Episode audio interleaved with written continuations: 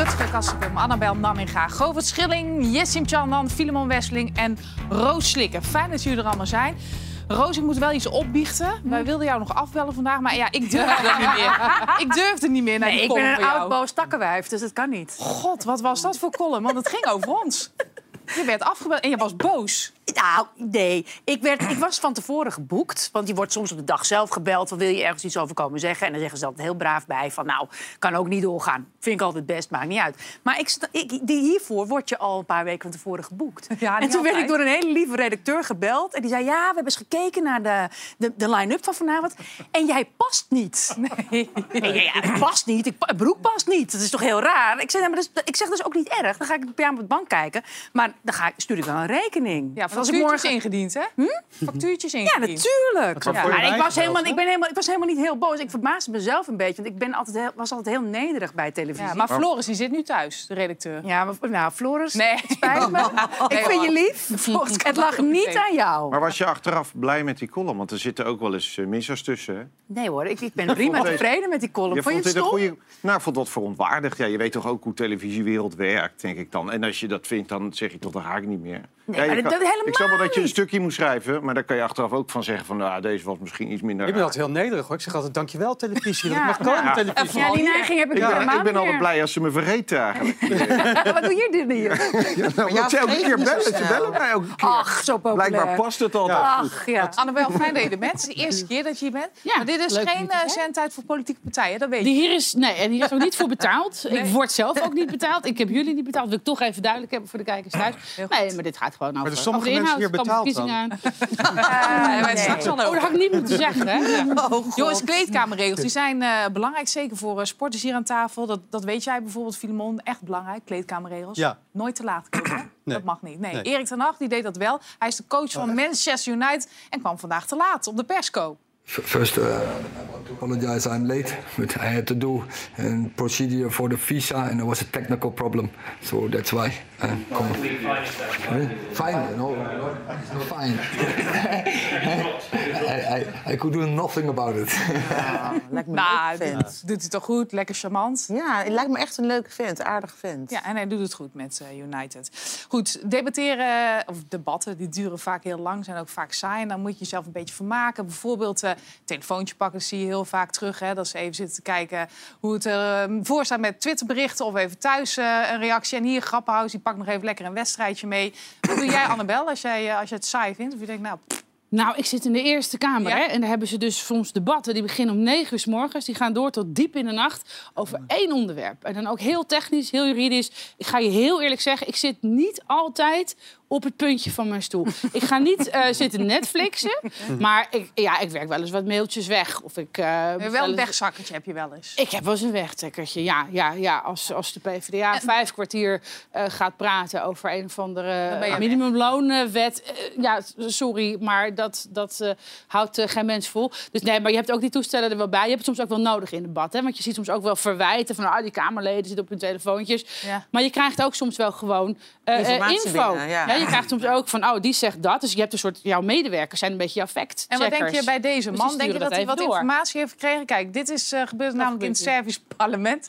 We hebben het een Oh. beetje geblut, want die zit gewoon op zijn dode akkertje te koekeloeren naar filmpjes. Oh, oh ja. En dus is hij Nou. in goed overleg met wederzijdse toestemming, zo heet dat dan, hè, opgestapt. Terecht of niet dat hij dan weg is? Dit lijkt me niet Ligt de er een beetje bedoeling. aan waar het eh, debat over ging. Misschien Ja. ging het over het verbieden van porno. Hij ging checken van, oh, eh, Ja, in de, ja, is eh, het moet helemaal niet verboden worden.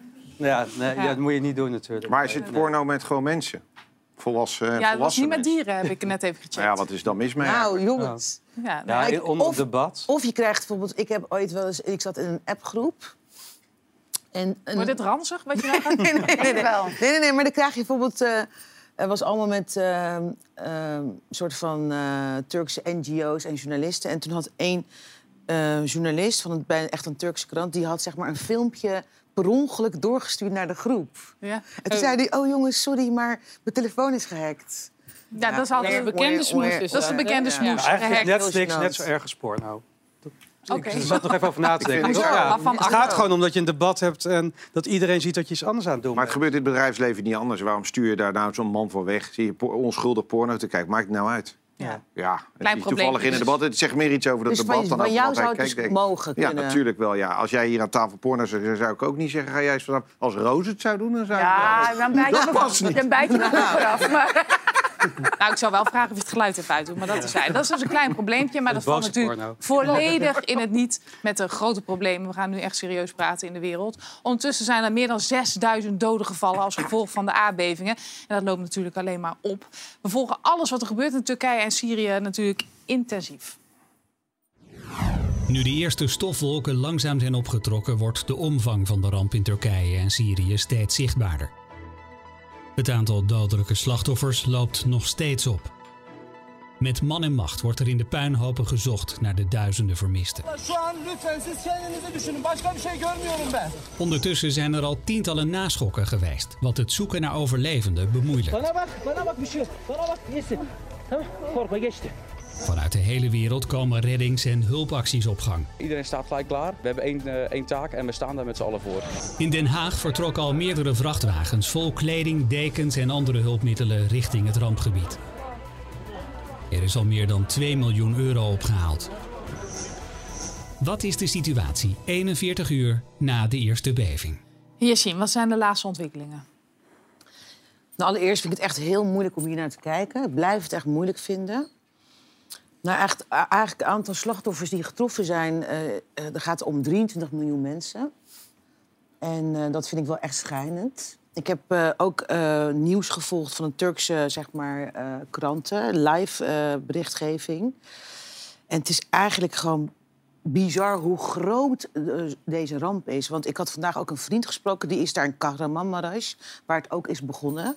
En hij zei, ja, ehm, wij zijn gaan rijden van de hoofdstad Ankara naar, naar de plek. Hebben we ander, anderhalf dag over gedaan, want het is koud. Ehm, de wegen zijn glad. En eigenlijk hebben we dekens nodig. Wij hebben ook levende mensen gered.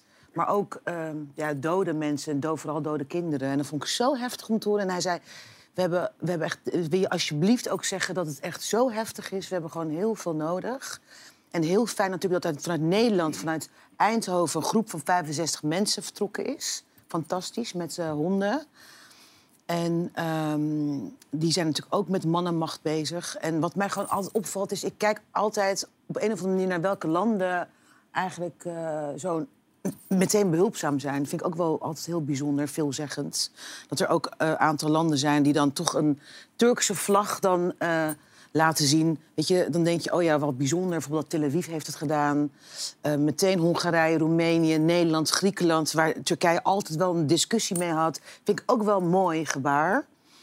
En ehm, dus eh, wat ik heel fijn vind is dat 555, Giro 555... waar ik eerder over had, want ik heb ze best wel gestoeld ook... van jongens, kom op, we m- moeten gewoon meer. In 555 is meer herkenbaar voor mensen. ja, ja, ja, en dat is ook een gezamenlijke actie ook natuurlijk. En die gaan dus eh, volgende week starten. En ik heb ook begrepen dat er een heel mooi benefietconcert eh, komt van onder andere Karsu Altingun in Paradiso. Ehm, om ook eh, awareness te creëren en geld op te halen. Dat vind ik fantastisch. Dus, ehm, Krijgen we geen tv-avond eigenlijk? Want ik krijg normaal ook, ook wel Ja. een tv-avond. Hadden we het gisteren nog Precies, over. precies. Maar je bedoelt gewoon zo'n belactie, landelijke Ja. belactie. Ja, Ja, ja, ja. Nee, ik heb gisteren dus mijn nichtje ook gesproken. En die was ook in traan omdat haar neef en nichten van haar vaderskant waren gered. Maar die waren dus toch op straat en ze konden nergens heen. Dus het is gewoon wat hier is gebeurd, gewoon sinds 1939, waar, wat de grootste ramp was. Want toen zijn er 30.000 mensen overleden. Ja, ze verwachten, de World Health Organization verwacht nu 20.000. Heb ik gisteren gelezen. Verschrikkelijk Ja, gewoon. Catastrofaal. Ja, het is echt, echt, echt... eh, ehm, ja, het is eigenlijk gewoon ehm, ja, niet te doen, niet te doen. Ik ben er echt, echt wel verdrietig onder, echt. Ja, wij allemaal. Ja. En, en volgende week is er een landelijke actie. is nog niet helemaal bekend wat dat precies inhoudt. Ik wil eventjes naar eh Enix. Audaci. Welkom, fijn dat je er bent. Jij komt zelf uit Antakya. Hoe Ja. is de schade daar? Die is enorm, wat Jessim terecht zegt. Het is, eh, het is zo, van zo'n grote omvang dat het niet meer te bevatten is. Ehm, ik heb foto's gezien van eh, letterlijk platgeslagen hu- huizen. Dus dat het gewoon als een pannenkoek ingestort is. En er staat nog heel weinig overeind. En, ehm, Antakya is de plek waar ik vandaan kom. En het is een samengestelde stad. Dus het is eigenlijk een grote stad van, van oudsher. En dan zijn er wijken aan toegevoegd. En dat betekent ook dat de constructiemethode veranderd is in de loop der jaren. Je hebt de oude huizen waar bovenop gebouwd is... en je hebt de, de nieuwbouwwoningen, de Phoenixwijk als het ware. En de, de oude woningen zijn allemaal weggevaagd. En de nieuwe, de nieuwe flats die staan nog overeind. Maar, en, en dan zie je zo'n droomfilm en dan zie je gewoon het verschil tussen als het ware oud en nieuw. En het trieste is van dat in die oude woningen, in die oude wijken, daar wonen de gezinnen bij elkaar, de generaties. Dus daar heb je de oma en de kinderen en de kleinkinderen. En die, ja, kinderen trouwen, dus de schoonzoon en schoondochters komen en die krijgen een kind. En die wonen allemaal bij elkaar. En er zijn complete gezinnen verwoest, helaas. Ja, want ik, nou, ik vind het ontzettend moedig dat je hier zit. Want jouw familie, daar heb je ook nog helemaal geen contact mee gehad.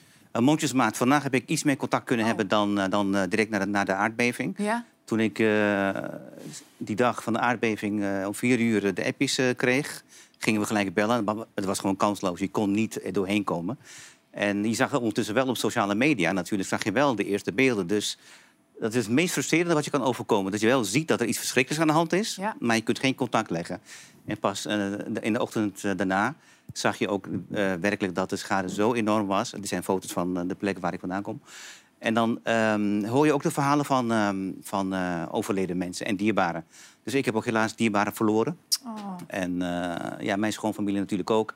En daar zijn de families zo met elkaar verweven dat letterlijk iedereen eh, die ik hier ken, ook in Nederland, ik kom uit Twente, ehm, alle migrantengezinnen en de kinderen daarvan, echt, ik heb nog geen gezin ont- eh, ontmoet die niet een dierbare verloren heeft. Dus zo groot is de ramp. Jeetje, ja, jouw neefje heeft ook een filmpje gestuurd. Ik heb het gezien, ik vond het echt ongelooflijk. Laten Ja. we er heel even naar kijken. Dit is ten tijde van de... Dus ten tijde van de aardbeving, dus hier wordt hij wakker geschud.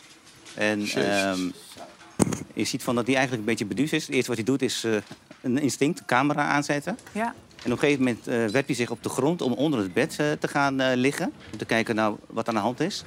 Hij heeft al snel in de gaten dat het een aardbeving is. En op een gegeven moment, een filmpje gaat door, vraagt hij van... heb je hier een brandtrap? Ja. En de, de vriend die in de woning ook zit, zegt... we hebben geen brandtrap.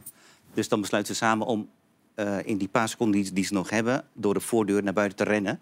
En dat waarschijnlijk, was waarschijnlijk net het goede moment om naar buiten te rennen. Anders was die gevel naar beneden gestort. Zo. Dus eh, het is heel heftig als je het echt de, de beelden en de. Ik kan me niet voorstellen hoe het is als je dat, ook, dat live meemaakt. Want een van de dingen die heel veel mensen zeggen bij een aardbeving is dat het vooral heel veel herrie is. Het is zo traumatisch, de herrie, Ja. dat je daar ehm, en, eh, echt heel lang last van hebt. Mijn schoonfamilie die, die slaapt momenteel buiten. Ze durven niet meer naar binnen te gaan, want de naschokken komen natuurlijk ook. Dus ze hebben een vuurtje gemaakt en eh bedden eromheen en ze houden elkaar een beetje warm. En eh, proberen op die manier ook steun aan elkaar te geven. Maar ja, de mensen eh, slapen op straat, in de auto's, in de bussen. En het lastige is van, het is zo'n groot gebied, en wat Jessica zei, zo groot. En met een beperkt aantal hulpdiensten die je hebt, waar, waar geef je als eerste je aandacht aan als overheid? en in ons gebied is het niet, zo, niet zo bekend dat, dat het dus eigenlijk betekent dat ze nog niet aan de beurt zijn gekomen. Dat er dus gewoon mensen nog onder de beton liggen, terwijl de mensen buiten slapen. Ja. En de Ja. dierbaren nog onder de beton liggen. Wat jij zegt, het is zo'n groot gebied en daarom heb je zoveel mensen nodig. En wat bijvoorbeeld Turkish Airlines nu ook heeft gedaan, is voor een speciaal tarief kunnen, kan iedereen daar naartoe vliegen, naar het rampgebied. En je zag gisteren op Istanbul Airport ook zoveel mensen die dan aanbieden van we willen daar naartoe gaan. Dat is ook heel mooi, want iedereen probeert... Oh ja, dit is de foto inderdaad. Ja. Dit is op eh, Istanbul Airport. Allemaal mensen die er naartoe willen vliegen om te helpen. En Dat is heel het mooi, maar het is natuurlijk een super gevaarlijk gebied. Dus je moet wel weten... Met het naschokken ook bedoel je? Ja. Ja. Ja, maar ook gebouwen die nog kunnen instorten. Overweeg je zelf om nog daar naartoe te gaan? We, eh, we wilden gaan, mijn moeder wilde gaan. Alleen eh, we hebben al snel gezien, uh, de, het vliegveld wat bij ons in de buurt zit, die is eh, kapot. De Ja. rijbanen die zijn niet meer begaanbaar. En de wegen die zijn ook kapot. Dus ehm, ah, weet je wat het is? Je moet daar, wat kun je daar doen tegenwoordig? Eh, je, je kunt daar niks doen. Het enige wat we hier kunnen doen, is alle hulpacties die we hier eh, organiseren. Alleen al in, het, in, de, in, de- in Hengelo, waar ik vandaan kom. Hengelo, Enschede, Almelo, Twente en Den Haag hebben we al gezien. Er zijn zoveel goede acties momenteel. Dit is de foto direct naast de, de plek waar ik, eh, waar ik woon. Ehm, er zijn zoveel goede hulpacties dat wij vooral nu investeren in dat organiseren. Ja. Vooral veel hulpacties organiseren. Vrachtwagens vol met beddengoed, sokken, luiers, bedenk het maar. Om die winter door te komen, om die koude nachten door te komen. Het is effectiever dan daar rond te lopen als een, eh, als een familielid die eigenlijk niks kan doen. Ehm, en terwijl je s'avonds wel in een hotel gaat slapen. Dat kan natuurlijk niet. Dus Nee. we willen vooral eh, hier dingen organiseren. En laten mensen daar het alsjeblieft goed oplossen. En daar hebben ze vooral behoefte aan tenten, bedden, eh, warmte en voedsel en de basisvoorzieningen. De hele samenleving is teruggeworpen naar eh, niveau nul. En dus mensen hebben de basisvoorzieningen weer nodig. Ja, mooi gesproken. Veel sterkte. Dank je. Dank je wel voor jouw komst. Rutger, ehm, het is altijd een rare overgang dan, maar we gaan toch Ja. verder. Eh, er viel jou iets op vandaag eh, in de zaak Richard de Mos. Ja, ik heb het ook gevolgd. Het is echt bizar eigenlijk. Ja, het is Vertel wel, even. Nou, het was een hele bijzondere dag in de rechtbank vandaag, eh, wat ik begrepen heb. Ik heb Richard de Mos, even voor de mensen die het niet weten uitleggen, Ja. is... Nou ja, die is verdachte Ja. in een, een strafzaak. En dat, hij wordt Van verdacht corruptie van corruptie en een, een, een, een, een, criminele organisatie, Mijn Eet. echt, echt een hele waslijst. En echt wel behoorlijke aantijgingen. Dus dan, eh, nou ja, en er is een heel stadsbestuur omvergeworpen. En er zijn volksvertegenwoordigers van hun bed gelicht. Dus dan verwacht je dat het OM met iets komt. Ehm, Want eh, hij was wethouder hè, in Den Haag. ja, hij was wethouder, ja, samen met Gernoui, de, zijn collega. En eh, eh, nou, ik heb op de weg hier naartoe uitgebreid contact gehad eh, met Richard... en ook met zijn advocaat Peter Plasman. En dat kwam eigenlijk, want ik, was, ik, ik raakte geïnteresseerd in een tweet die hij stuurde, gisteren eigenlijk. En, en daarin ehm, ehm, eh, zegt eigenlijk het OM, ik heb het hier meegenomen, ik zal eventjes lezen... Da- da- daar zegt Richard in die tweet van het OM, die stelt... Eh, eh, het volgende, terwijl uit de WhatsApp van 13 juli 2018 van Jansen, Edwin Jansen is dat, aan de Mos blijkt dat het gesprek met Revens heel goed liep. Boudewijn Revens is de andere wethouder in Den Haag. Ehm, ehm, en dan wordt er gezegd, my lips are sealed. Deze toevoeging doet vermoeden dat er met Jansen onderhandse afspraken zijn gemaakt... die in officiële stukken niet genoemd worden. Dat zegt het OM. Nou, en dat zegt het OM. En dan als, dat, de- de- als je dit hoort, dan denk je... nou ja, dat is gewoon wel echt... eh, eh, Serieus? Ja, dat is corruptie, dat kan Ja. niet. Eh, maar vervolgens stuurt Richard daar dus eh, het, het- een kopie van het eh, daadwerkelijke WhatsApp-gesprek... wat hij met Edwin Jansen heeft gehad. En dan blijkt het, hoe, hoe laat ben je bij de barbecue? Is je meisje er ook? Ja, die is er rond zes uur. Mijn vrouw komt ook. Eh, toch opgelost met de ex, dus zegt er maar niks over. My lips are sealed. Oké. En dan is My Lips Are Sealed gaat dus eigenlijk over dat, hij, dat het met zijn ex Ja, is dat opgelost. snap ik, ja. Een privé-aangelegenheid. Ja. Maar eh, het feit dat dus het OM eh, dat heeft gekoppeld aan een, een gesprek wat er geweest zou met Boudewijn Revis, de oud-wethouder in Den Haag.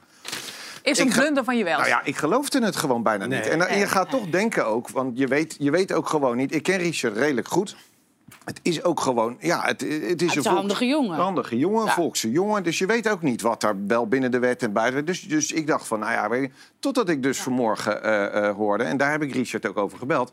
eh, dat het OM de ochtend is begonnen met, de, in, in de rechtszaal... met excuses aan te bieden over dat dit mis is gegaan. En dus kun je opnieuw beginnen. Want je kunt niks meer serieus nemen. Je bij alles Nou ja, dat- nou een vraagteken. Dat zegt de advocaat Peter Plasman dus ook tegen mij. Eh, het is zo'n vuistdik dossier. En niet even zo, maar echt een dossier. eh, dat de rechtbank waarschijnlijk nu heeft van... ja, nu moet overal een vergrootglas op. Ja, volg jij dit een beetje, Annabel? Ja, ik volg het wel zijdelings. Ik ben natuurlijk een beetje voorzichtig om over andere politici in een rechtszaak die nog loopt, om daar heel eh, stellig in, eh, in te zijn. Ik snap het OM ook wel. Hè. Eh, er, er wordt natuurlijk verweten van dat dit, die man is van zijn bed gelicht, het hele college in Den Haag is gevallen, Eh grootste partij van Den Haag, Eh, heel veel kiezers vertegenwoordigt hij ook. Eh, als je dat doet, moet je echt wel een smoking gun hebben om zo iemand zo aan te pakken. Ja, maar nog- Aan de andere kant. Eh, als het OM heel snel opereert, gaan ze ook weer zeggen: je doet het onzorgvuldig. Eh, eh, je bent de, het OM is te eager. Maar het zo lang laten duren, vind ik eigenlijk ook wel heel eh fishy. Want het blijft boven die mans hoofd Nou ja, hangen. en- En als hij onschuldig is, dan moet die naam natuurlijk heel snel gezuiverd worden. Want hij heeft nog steeds dat Haagse kiezersmandaat. Dus ja, ik kan alleen maar hopen dat hier heel snel eh, nou, de een rechtbank, uitspraak over de komt. rechtbank doet eh, op zijn vroegst eind maart uitspraak. Dus we wachten het even af. Maar die heeft ook vandaag trouwens even nog één toevoeging. Ja? Die heeft vandaag, dat zei Peter Plasman tegen mij, gehint ook al op vrijspraak. Want eh, Peter Plasman heeft geprobeerd om een bepaald element... om, om daar de criminele organisatie, het label, om dat daar af te krijgen. Mhm. En toen heeft de rechtbank tegen eh, Peter Plasman gezegd... ja, weet u zeker dat u dit wil? Want op het moment dat wij hierin mee zouden gaan... Ja. eh, is de weg naar vrijspraak eh, dicht. Met andere woorden is eh, de advocaat gewaarschuwd... doe dit maar niet, want eh, het kan vrijspraak worden. Ja. Nou, dat zegt ook al heel wat. En ik ben het met jou eens dat eh, OM zorgvuldig moet zijn... Maar dat zie ik nu nog niet terug. Nee, eh, zeker niet in deze berichtgeving. Dat is raar. 48.000 48.000 nieuwe asielzoekers hadden we afgelopen jaar in Nederland. En dat is een record. Maar tegelijkertijd vertrekken er de afgelopen jaren steeds minder afgewezen asielzoekers terug naar het land van herkomst. De politiek zit dus met de handen in het haar. Het is de heetste kwestie in aanloop naar de verkiezingen: de asielcrisis. Het onderwerp wordt angstvallig vermeden bij de coalitiepartijen om een kabinetscrisis te voorkomen. En dat nu de Raad van State de beruchte spreidingswet op losse schroeven zet. Maar Ja21 heeft al lang hun oplossing gevonden. We moeten ingrijpen nu het nog kan. We moeten het Deense asiel- en immigratiebeleid kopiëren. Hoe ziet dat model eruit? Asielzoekers moeten bezittingen die meer dan 10.000 Deense kronen waard zijn, zo'n 1340 euro, afstaan. Zo betalen ze mee aan hun eigen opvang. Verblijfsvergunningen zijn altijd tijdelijk. Ook moeten asielzoekers hun proces afwachten in de regio. Europees gezien verboden, maar daar hebben de Denen maling aan. Kortom, het zo onaantrekkelijk mogelijk maken om asiel aan te vragen en mensen terugsturen zodra het kan. Why is Denmark the only country in Europe that wants to send Syrians back to Syria? Sorry, I can't make an interview on this. Moet Nederland het Deense asielbeleid overnemen? Ja, en tegelijkertijd, als die vraag wordt gesteld, denk ik, Annabel, eh, dit is gewoon een vals alternatief, het Deens model. Nee, helemaal niet. Er werd ook in het filmpje gezegd eh, eh, dat het tegen de regels in eh, wordt gezegd dat er in een ander land, in een partnerland, asiel aangevraagd moet worden. Dat is absoluut niet waar. Hè. De, de, de Nederlandse regering eh, verschuilt zich achter Europese verdragen. Ik denk even om te beginnen het punt maken dat wat je ook vindt van asielbeleid, of je nou bent voor deuren open of deuren dicht, het is een zootje. Ik denk dat we het daarover eens kunnen zijn. Eh, dat verhaal dat eh, eh, eh, opvang in de regio en ook asiel aanvragen in een derde land, dat dat niet kan, is pertinent onwaar. Europese verdragen hebben bepaalde regels, kunnen we heus niet zomaar uit. Dat zeggen wij van ja in de 20 ook helemaal niet. Maar wij zeggen wel, er staat nergens dat mensen hun asielprocedure in Nederland moeten ondergaan. Eh, wat Denemarken doet, die laat het dus in een partnerland eh, doen. Die mensen krijgen worden daar fatsoenlijk en veilig opgevangen. Die krijgen daar eh, alle recht tot hun toegang tot die procedure. Die worden fair beoordeeld.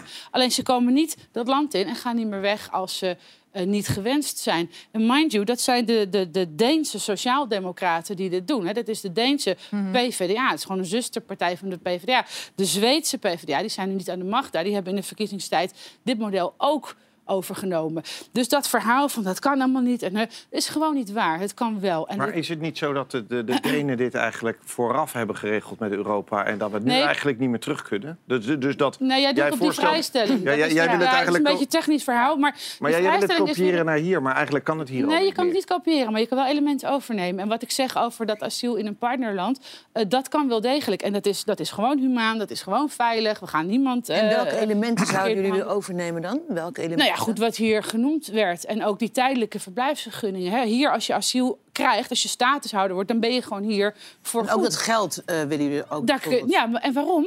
Omdat je dat moet ontmoedigen dat mensen hier naartoe komen. Waarom willen we dat? Omdat hier te veel mensen komen die het misschien arm hebben, die misschien een probleem kijk, hebben. Nee, denk- maar wacht, laat me heel even Ja. uitpraten. Maar die geen recht hebben op asiel, volgens ons asielrecht. Die maken toch misbruik van dat recht. Die aanzuigende werking is ook levensgevaarlijk. Het leidt tot mensen die heel gevaarlijke overtochten maken. Het leidt tot mensen die kleine kinderen alleen denk- naar Nederland sturen in de hoop denk toch dat- ik denk heel anders Dat is een over. perverse prikkel. Want eigenlijk willen jullie het ontmoedigen. Maar ik geloof heel erg, eh, dat weet je ook van mij, in de kracht van diversiteit. Ik geloof juist in de multiculturele samenleving. Maar daar heeft het niks mee te maken. Jawel, Jessie. jawel want Nee. dit is gewoon best wel negatief. Want je ontmoedigt mensen om naar Nederland te komen. Maar, ehm, maar is- zoals nu is, is het ook heel negatief. kan toch hè? niet, wat, wat er nu allemaal gebeurt. We hebben geen huizen, we hebben geen geld, we hebben geen banen. we- Ja, maar we hebben heel veel banen. maar we hebben geen huizen, we hebben We geen hebben ruimte. juist, en juist niet. omdat de arbeidsmarkt zo krap is, kunnen we mensen inzetten. Ja. Maar ik ben een klein kind Maar zo van werkt een dat niet. gastarbeider die is naar Nederland. Maar zo werkt het wel. Nee. Ja. We kunnen Eh, iedereen inzetten, want nee. iedereen is inzetbaar. Je kunt iedereen inzetten, maar waar, ga je ze dan huisvesten?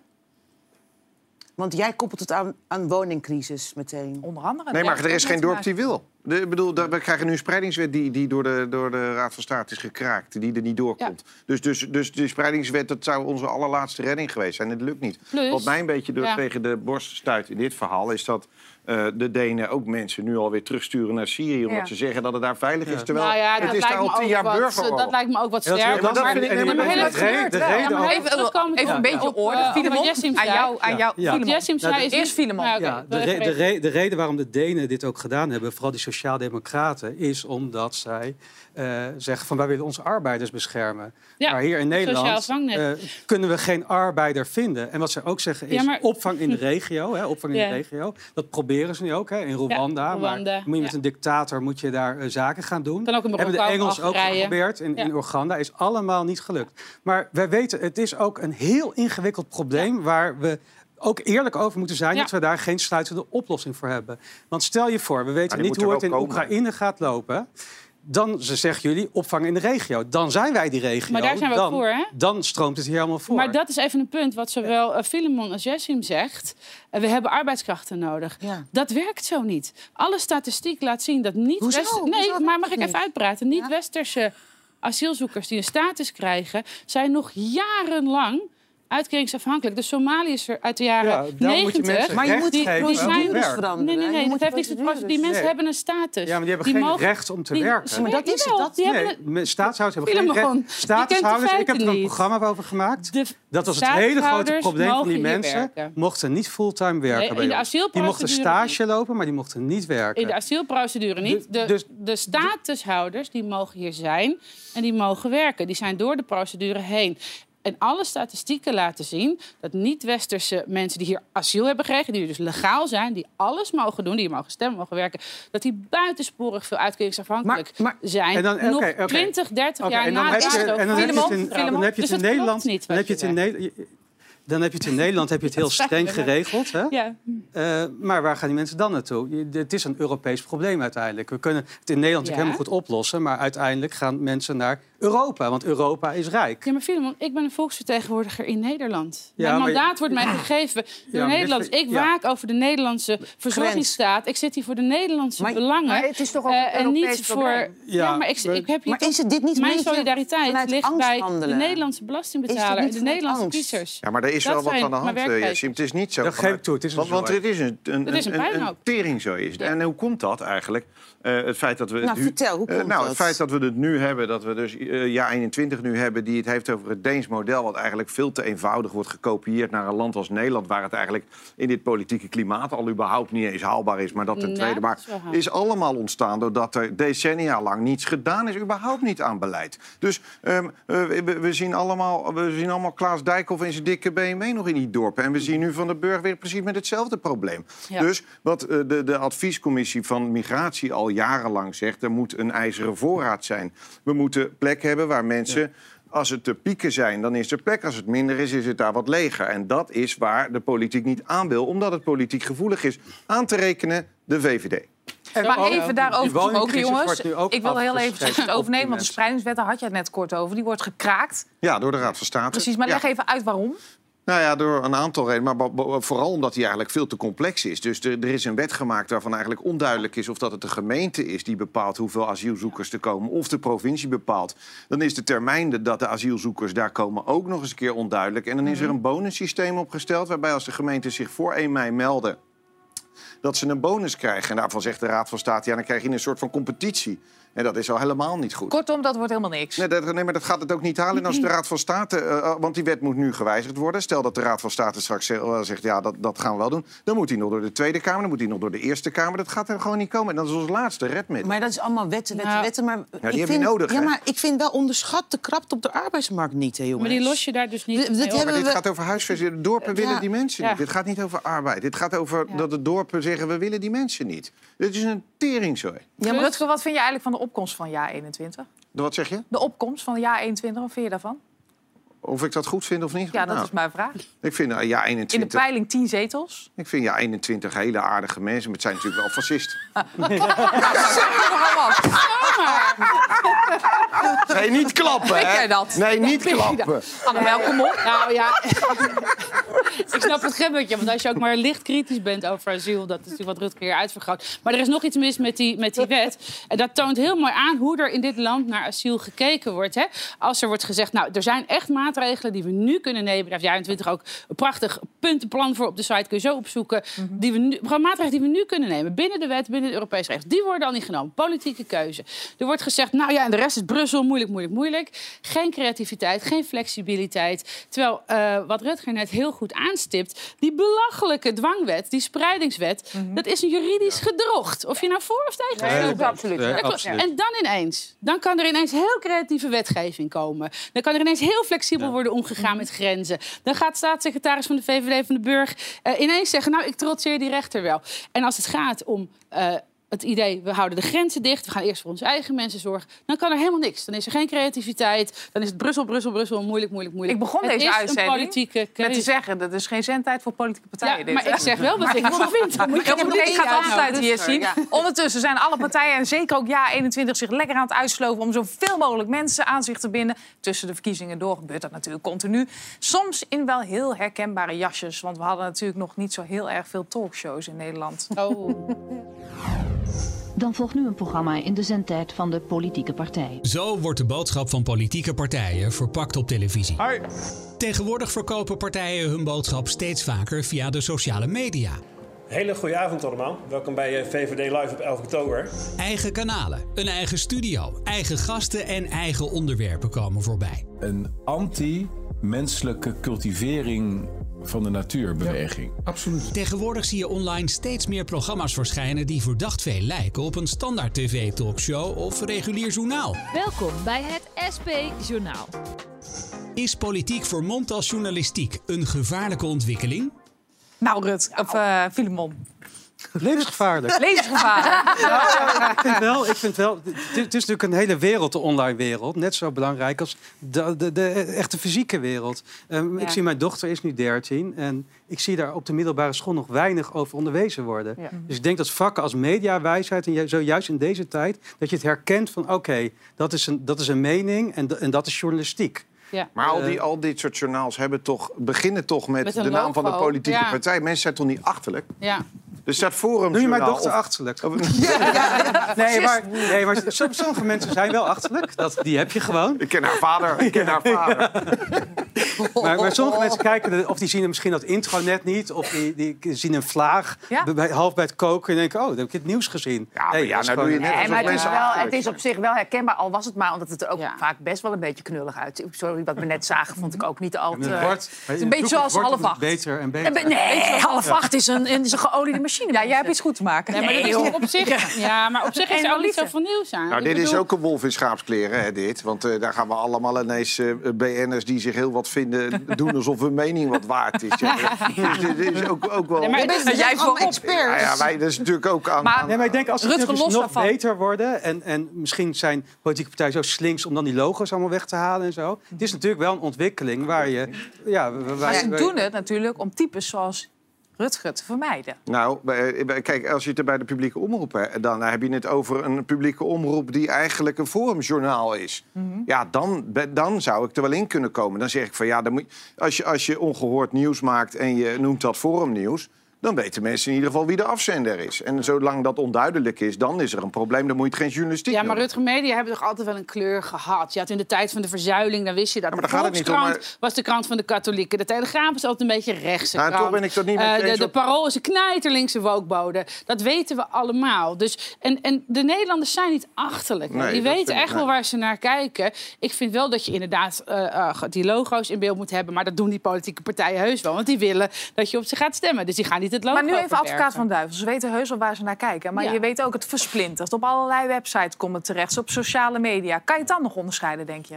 Maar je ziet toch dat iemand een bepaalde boodschap... Ik, ik Ja, kijk nu Nee, ook boodschappen waar ik het wel of niet mee eens ben. Ja, Nee, ik heb, maar- maar wacht even. Ik heb net een gesprek met Jessim. Ja. Die heeft een, een mening over een politiek onderwerp. En zij is geen politica. Zij is niet van een partij. Maar dat past misschien wel bij een programma van partij zus of zo. Dus je, je, je ziet je eigen meningen Ja, terug. Je ziet andere meningen. Maar En dat, dat mediadieet, Ja. dat maken consumenten toch zelf. Maar Mensen waarom zijn zou niet maar, achterlijk. kijk, i- bedoel, politici zijn toch gewoon om de belangen te vertegenwoordigen van kiezers. En die gaan, ze ja, gaan maar toch die nu... moeten dat met open vizier Nee, maar, doen. maar dit dat is, ben ik nu hebben ze toch een hele andere pet. Ja, Dat, dat je een soort van eigen talkshow hebt, is toch echt heel raar. Ik, ik denk dan meteen wel aan eh, Zuid-Amerikaanse praktijken. ik vind het meer Jacobsen en Van Essen. Nee, ik vind, ik vind niet het zo kunnen. knullig en ik vind het Ja. ook gewoon een vormpje. Is dit een nieuw fenomeen, denk je? Nee. Dat denk ik niet. Nou ja, goed, ja, vroeger de zendtijd voor politieke partij, dat was nog knulliger. Ik hield er wel van. Hè, Camp technisch is het fantastische Ja, televisie. maar het wordt natuurlijk, ook als je naar Amerika kijkt, wordt dat steeds professioneler. Nee, het is wel een fenomeen natuurlijk, want dat zien we nu al. Het is, iedere politieke partij doet het. En waarom niet? Nee, wij- Eh, eh, jullie niet? Nou, Ja, we, hebben, we hebben geen talkshowtjes. Of we gaan niet elkaar zitten interviewen. Van, hey Joost van jij 21, wat vind jij van asiel? Nou Annabel van jij 21. dat is ik vind toch ook heel Nee, dat is toch flauwekul. Ik word liever door jou gefrituurd... dan dat ik in zo'n zelffeliciterende Nou, en gefrituurd mooi hoor, dat kun je wel vertellen. nee, maar het stap verder is natuurlijk wat je ook tijdens de bestorming van het Capitool zag. Dat daar heeft social media ook een rol in gespeeld. Dus het is wel. Ja. eh, dit is dan de hele Peppy en Kokkie versie daarvan. Maar het gaat natuurlijk verder en verder en verder. Dat, po- eh, ik weet dat de PvdA die trackt echt mensen. En die weet, oh ja, die, die ja? mevrouw koopt vaak tulpen, dus laat ik die. Of, of roos, of weet ik wat. Wat een griezel. Ja, dus. Nou, ja, volgens mij doen heel veel politieke partijen. Maar dat. dit is ook nog wel een beetje jouw VARA-achtergrond. hè, Dat je denkt dat mensen achterlijk zijn. Je bent nou een beetje... Je maakt ook programma's voor Poot nu. Dus mensen nemen we voor vol aan. De kijkers nemen we voor vol aan. Oké, Filemon? Goed zo, nou dan weten we dat. Zijn we daarmee klaar. Dus zometeen dan eh, kunnen we met z'n allen verhuizen naar een andere planeet. en Joe Biden zit in de laatste voorbereidende uurtjes op zijn State of the Union. Als dat maar goed gaat, tot zo.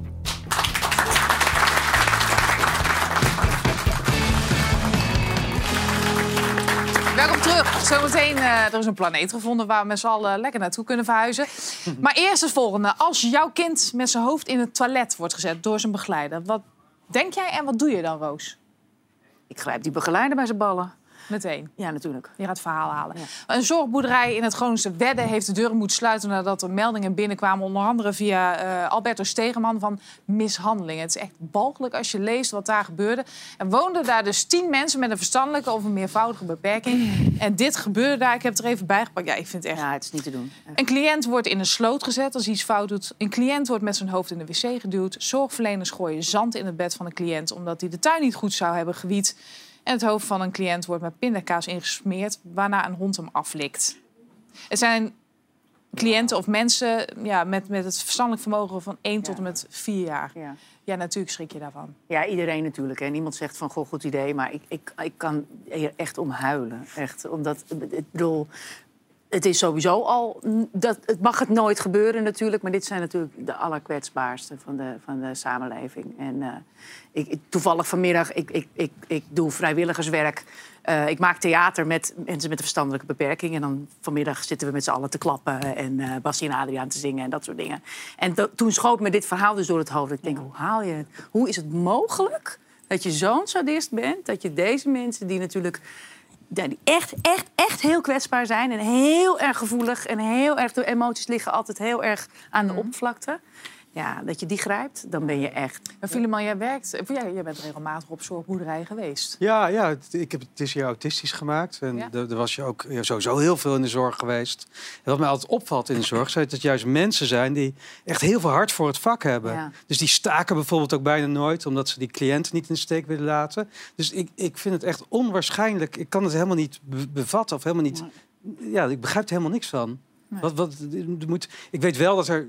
Mijn ex die werkte bij een hele grote zorgaanbieder. Dat er altijd heel veel druk was. Dat vergoeilijkt helemaal niks hoor. Mm. Maar dat, dat je, die moest bijvoorbeeld voor haar cliënten moest lunch halen. En dan kreeg ze 1 euro per cliënt voor een lunch. Hm. Dus dan moet je. nou, Dus, dus, dus er is on- onwaarschijnlijke kaalslag daar eh, geweest in die zorg. Dus misschien dat dat er iets mee te maken heeft. Maar ja, dat is ook maar een beetje speculeren. Maar heel- ik herken dit niet. Het is wel heel goed dat dit aan het licht komt nu. Zeker, En, en in die zin is het wel fijn dat Alberto Stegeman één keer nuttig is. Ja, jij, hebt- jij, niet jouw vriend, hè? Nou ja, nee, daar gaat, het, nee, vriend. daar gaat het helemaal niet om. Maar dit, dit is, vind ik wel echt een hele nuttige...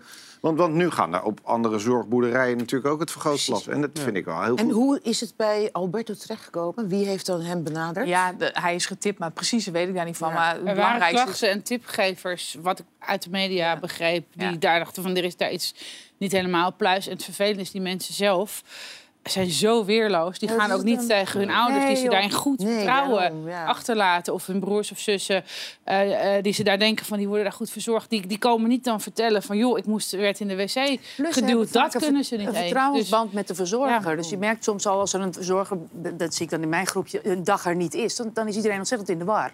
Ja. Want het is altijd diegene, die is er altijd. Structuur, ja. Structuur, weet je wel. En Dus, en als diegene die jij dan vertrouwt iets doet bij jou wat eh, gewoon niet oké is, dan denk ik ook dat het best wel heel lang duurt voordat je dat... Ik denk dat het van dit klopt niet. En, maar Ja, wat gaat er ja. gebeuren nu met de daders dan? Om het zo, eh, Nou, dat krijgt uiteraard een vervolg. Dat weten we nog niet. Maar in ieder geval, Albert Stegeman heeft daar camera's opgehangen. Zou jij je kinderen nog met een gerust hart aan de zorg overlaten... als dat nodig is, als ze die zorg nodig hebben? Nee, nee, nee. Maar bij bijvoorbeeld jeugdzorg, eh, om een voorbeeld te noemen, heb ik ook al vele uitzendingen eh, over gemaakt. Niet bellen. Nee. Dat is het drama. Ja, dat is wel heel triest. Dat is heel Ja, erg. Annabel, vind jij van Ik, nou, ik vind dat moeilijk. Ik snap jou wel. Hè. Ik heb zelf ook drie kinderen. Ik begrijp echt wat je zegt. Ik zie dat er misstanden zijn. Ik wil er toch voor waken.